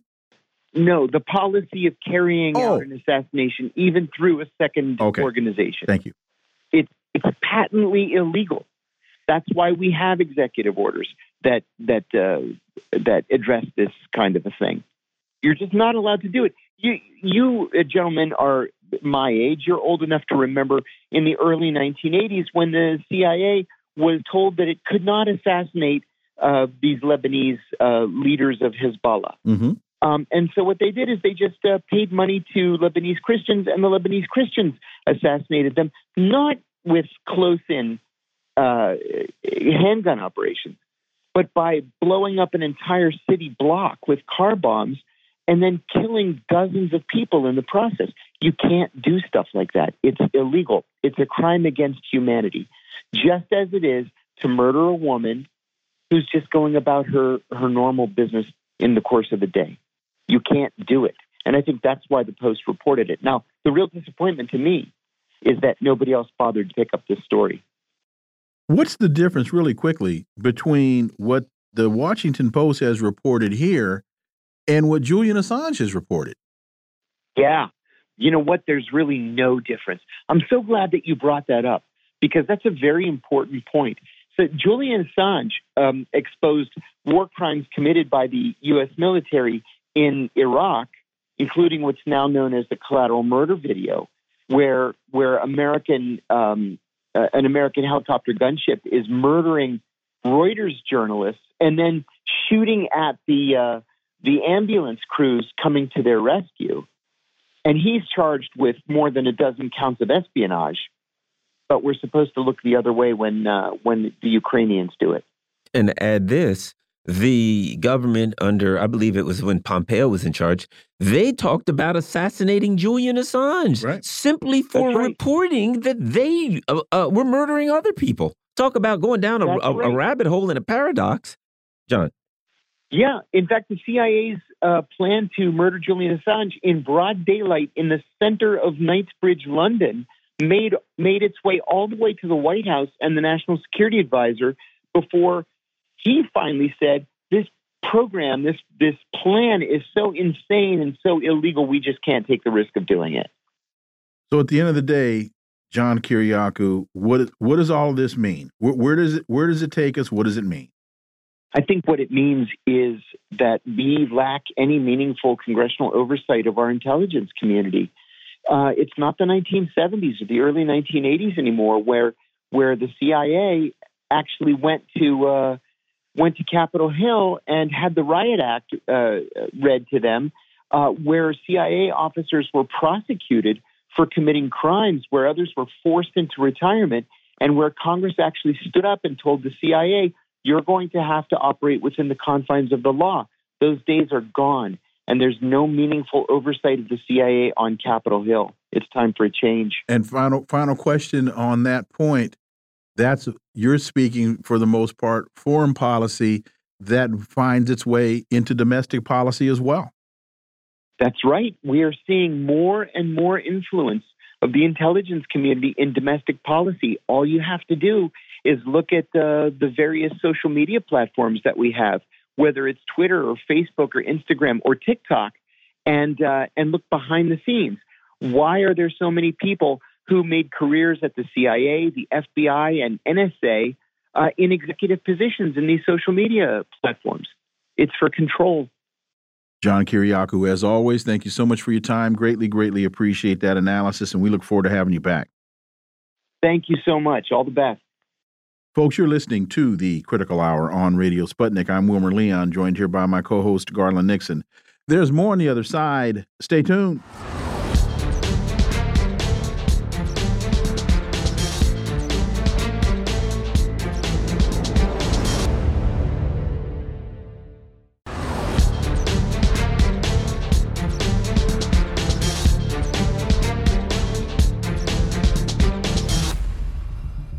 We are back, and you're listening to the Critical Hour on Radio Sputnik. I'm Wilmer Leon, joined here by my co host, Garland Nixon. Thank you, Wilmer. The Wall Street Journal reports Chevron to buy Hess for $53 billion. The deal is the latest sign of consolidation among oil and gas companies, highlighting industry's bet on continued fossil fuel use. For insight into this, let's turn to our next guest. He holds a PhD in political economy, taught economics at St. Mary's College in California. He's the author of a number of books, including The Scourge of Neoliberalism U.S. Economic Policy from Reagan to Trump.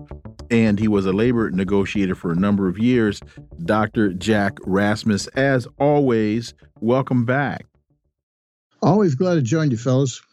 So the story continues. The U.S. energy company said buying Hess would upgrade and diversify its portfolio, making Chevron's entrance into an Exxon led partnership overseeing a generational oil find in Guyana while picking up additional U.S. shale assets, largely in North Dakota. The major oil companies doubling down on fossil fuels follows a recent prediction by the International Energy Agency that fossil fuel demand globally would reach its zenith this decade.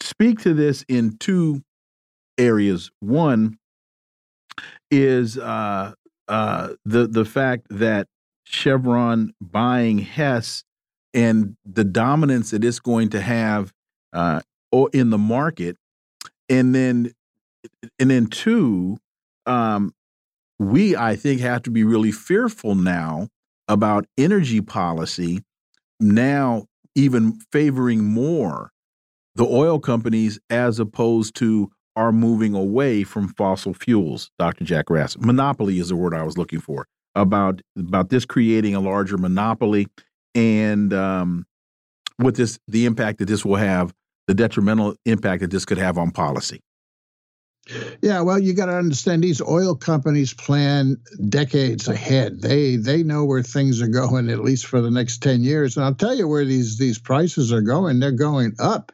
Energy prices are going up for a whole number of reasons, uh, not the least of which is this uh, constant uh, geopolitical instability and rising crude oil prices. Uh, that's what they see in the next couple years, really driving uh, a, a, lot of the price increases. So uh, companies like Chevron are, are, vertically integrating even more than before, you know, and buying Hess and so forth. They're concentrating. Uh, uh, one of the big problems of our chronic inflation here for the last last couple years has been price gouging by monopolistic companies, like in the oil industry. Classic case. they've been raising prices because they can and they are going to continue because of geopolitical instability. And you might add the fact that uh, uh, uh Biden, in all his uh, his his planning, has pretty much drained the strategic oil preserve. Uh, you know, it's down to like a quarter of what it was. So uh, they know that the government uh, can't throw any more supply uh, on on the market to bring things down, prices down, uh, and uh, they're they're going to go, uh, you know, unchecked here in terms of price gouging. Uh, big factor, price gouging, monopolistic corporations in the last couple of years, and you don't see the mainstream media talking about that much. There were hearings in Congress about price gouging about a year or so ago, but boy, those were quickly shut down, and you don't hear anything about it. But you know, the oil companies and uh, processed food companies, uh, baked goods and meat packing and so forth, um, and pharmaceutical companies. Uh, and now you got uh, insurance companies who are driving up prices because they can. Uh, because there's not much competition there in, anymore. Uh, we we've seen a big run up in uh, auto insurance, and right now, on you know beneath our nose is a big run up going on in uh, healthcare insurances. So you know, monopoly and monopolistic behavior is a big part of the uh, inflation problem we have, and the Fed can't do anything about that. You see, uh, that that's the supply side. The Fed raising interest interest rates can only attack demand side, and that's supply side, and even demand is global uh, in the oil sector. So uh, you know, there's a lot of inflation. Um, on the horizon, and the oil companies are, are driving a good part of it. Dr. Jack, you know, what we hear constantly is, you know, the Biden administration and other, uh, you know, these some other governments are saying we are moving towards electric cars. Everybody, we're going to go to electric cars, blah, blah, blah. When I see these kinds of things and the people in charge of these energy companies really know the direction things are going, it leads me to believe that they're saying that, but the plan is still to stick with the gasoline engine. Well, answer my point. The policy question. This is this is a clear indication of the direction that the policy is going. Dr. Jack. Yeah, well, just look at that so-called misnamed Inflation Reduction Act, right? That was passed part of the uh, the triple uh, acts uh, that were passed in 2022 uh, when the government started uh, winding down all all the COVID relief aid and moving the money into subsidizing corporate investment, which those three acts did: Infrastructure Act, the Chip and uh, Semiconductor Act, and uh, than the so-called Inflation Reduction Act, which uh, you know the media kind of uh, touts as uh, alternative energy. Well, hell, uh, half of that act is subsidizing uh, fossil fuels. They don't talk about that much, but most of it is. so um, you know they're they're running with with it. Those government subsidies, yeah, they're gonna. The government is is bribing companies, auto companies, to um, uh, you know, invest in the U.S. in uh, uh, alternative energy EV e vehicles, but at the same time uh, they're giving subsidies to oil companies. Um, you know, thanks to Joe Manchin largely, uh, and you know it, it's continued fossil fuel subsidization. The Wall Street Journal has another piece. The economy was supposed to slow by now. Instead, it's revving up. Analysts are raising their year end forecast as the Fed ponders whether to increase interest rates again. Earlier this year, economists and Federal Reserve officers predicted that the U.S. economy would be sputtering by now as higher interest rates cut into spending and investment. The opposite is happening. And, you know, Jack, sputtering is relative because, uh, you know, when you look at what's happening in the grocery store, and when you look at what's happening with gas prices and and for the budgets of the everyday citizen, their budgets are being blown out of the water. We had that report. What ninety percent of Americans can't afford to buy a house now, but they still want to talk about how well the economy is doing. Dr. Jack Rasmus. Yeah, well, that's mostly spin. I mean, look at uh, retail sales. You, you know, you know, in the business media, you get all oh, the retail sales four or five percent growth. It's all inflation. It's not real growth uh, they don't adjust retail sales for inflation. It's a nominal price increase that that's going on. Look at consumer spending now. A lot of that's not adjusted either. Retail sales is part of consumer spending.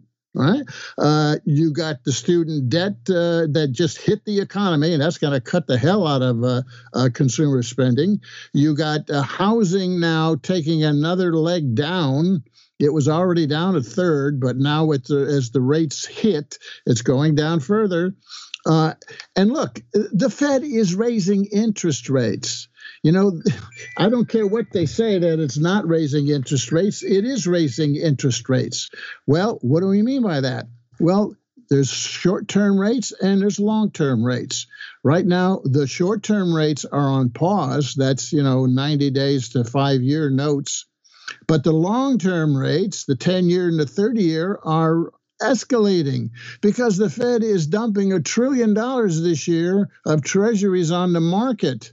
Long term rates are going up as a result. The Fed isn't raising long short term because it knows long term are going up. That's why you got mortgage rates that follow long term at 8% and going higher. So the Fed is raising interest rates on the long end, not on the short end. And it can't really raise the short end much more uh, because it knows that they already have a financial problem that's mer- that that's emerging in this country, uh, and and it may have a big effect in 24. That financial problem is the rates are so damn high that they're driving down treasury prices and they're causing problems like we saw in the regional banking crisis back in March, which is still an issue but it's going to these these rising rates at the long end and the collapsing treasury bonds. Uh, if this continues to go on for another six months, is going to have uh, reverberations uh, in the general economy in terms of uh, you know lowering uh, uh, economic growth significantly. We're we're falling into recession clearly in the fourth quarter here and so is Europe. Europe's already in recession, deep recession. You know, the, the numbers just came out for for Germany, and Germany is is in a big contraction going on, both in services and in manufacturing. So is France. So is Britain. Uh, you look at China. China's got a big problem now, not just the slowdown, but the biggest property developer Country, Garden, is defaulting. That's going to have a slowdown in China. The whole world is slowing down. Then you got this whole problem with uh, the Middle East, and uh, that's going to hit uh, uh, consumer and investment uh, confidence very, very quickly here. Um, all you got is government spending, and that's mostly on military that's all you got in the economy. So all this talk about the economy revving up uh, is is a lot of false cover for what's a very weak real economy and an economy that's beginning to fracture along financial lines. In three to six months, you're going to see the real economy well, you know, Wilmer, I think uh, going into 2020, election 2024, if somehow we get out of this Middle East mess alive, all of us, that there's going to be a major economic crash or collapse that's going to finish off any chance that the Biden people had of winning. And and the fact that, to your point, the the standard logic is the the the conflict galvanizes the country around the president. I don't know that that that's going to happen. Dr. Jack Rasmus, as always, thank you so much for your time. Greatly, greatly appreciate that analysis. We look forward to having you back. Great. And we should talk about the Trump tax cuts. We'll do that. Uh, folks, you've been listening to the Critical Hour here on Radio Sputnik. Thank you for allowing our voices into your space. On behalf of myself and my co host, Garland Nixon, we hope you were informed and enlightened. And we look forward to talking with you all right here tomorrow on Radio Sputnik. Be safe. Peace and blessings. We're out.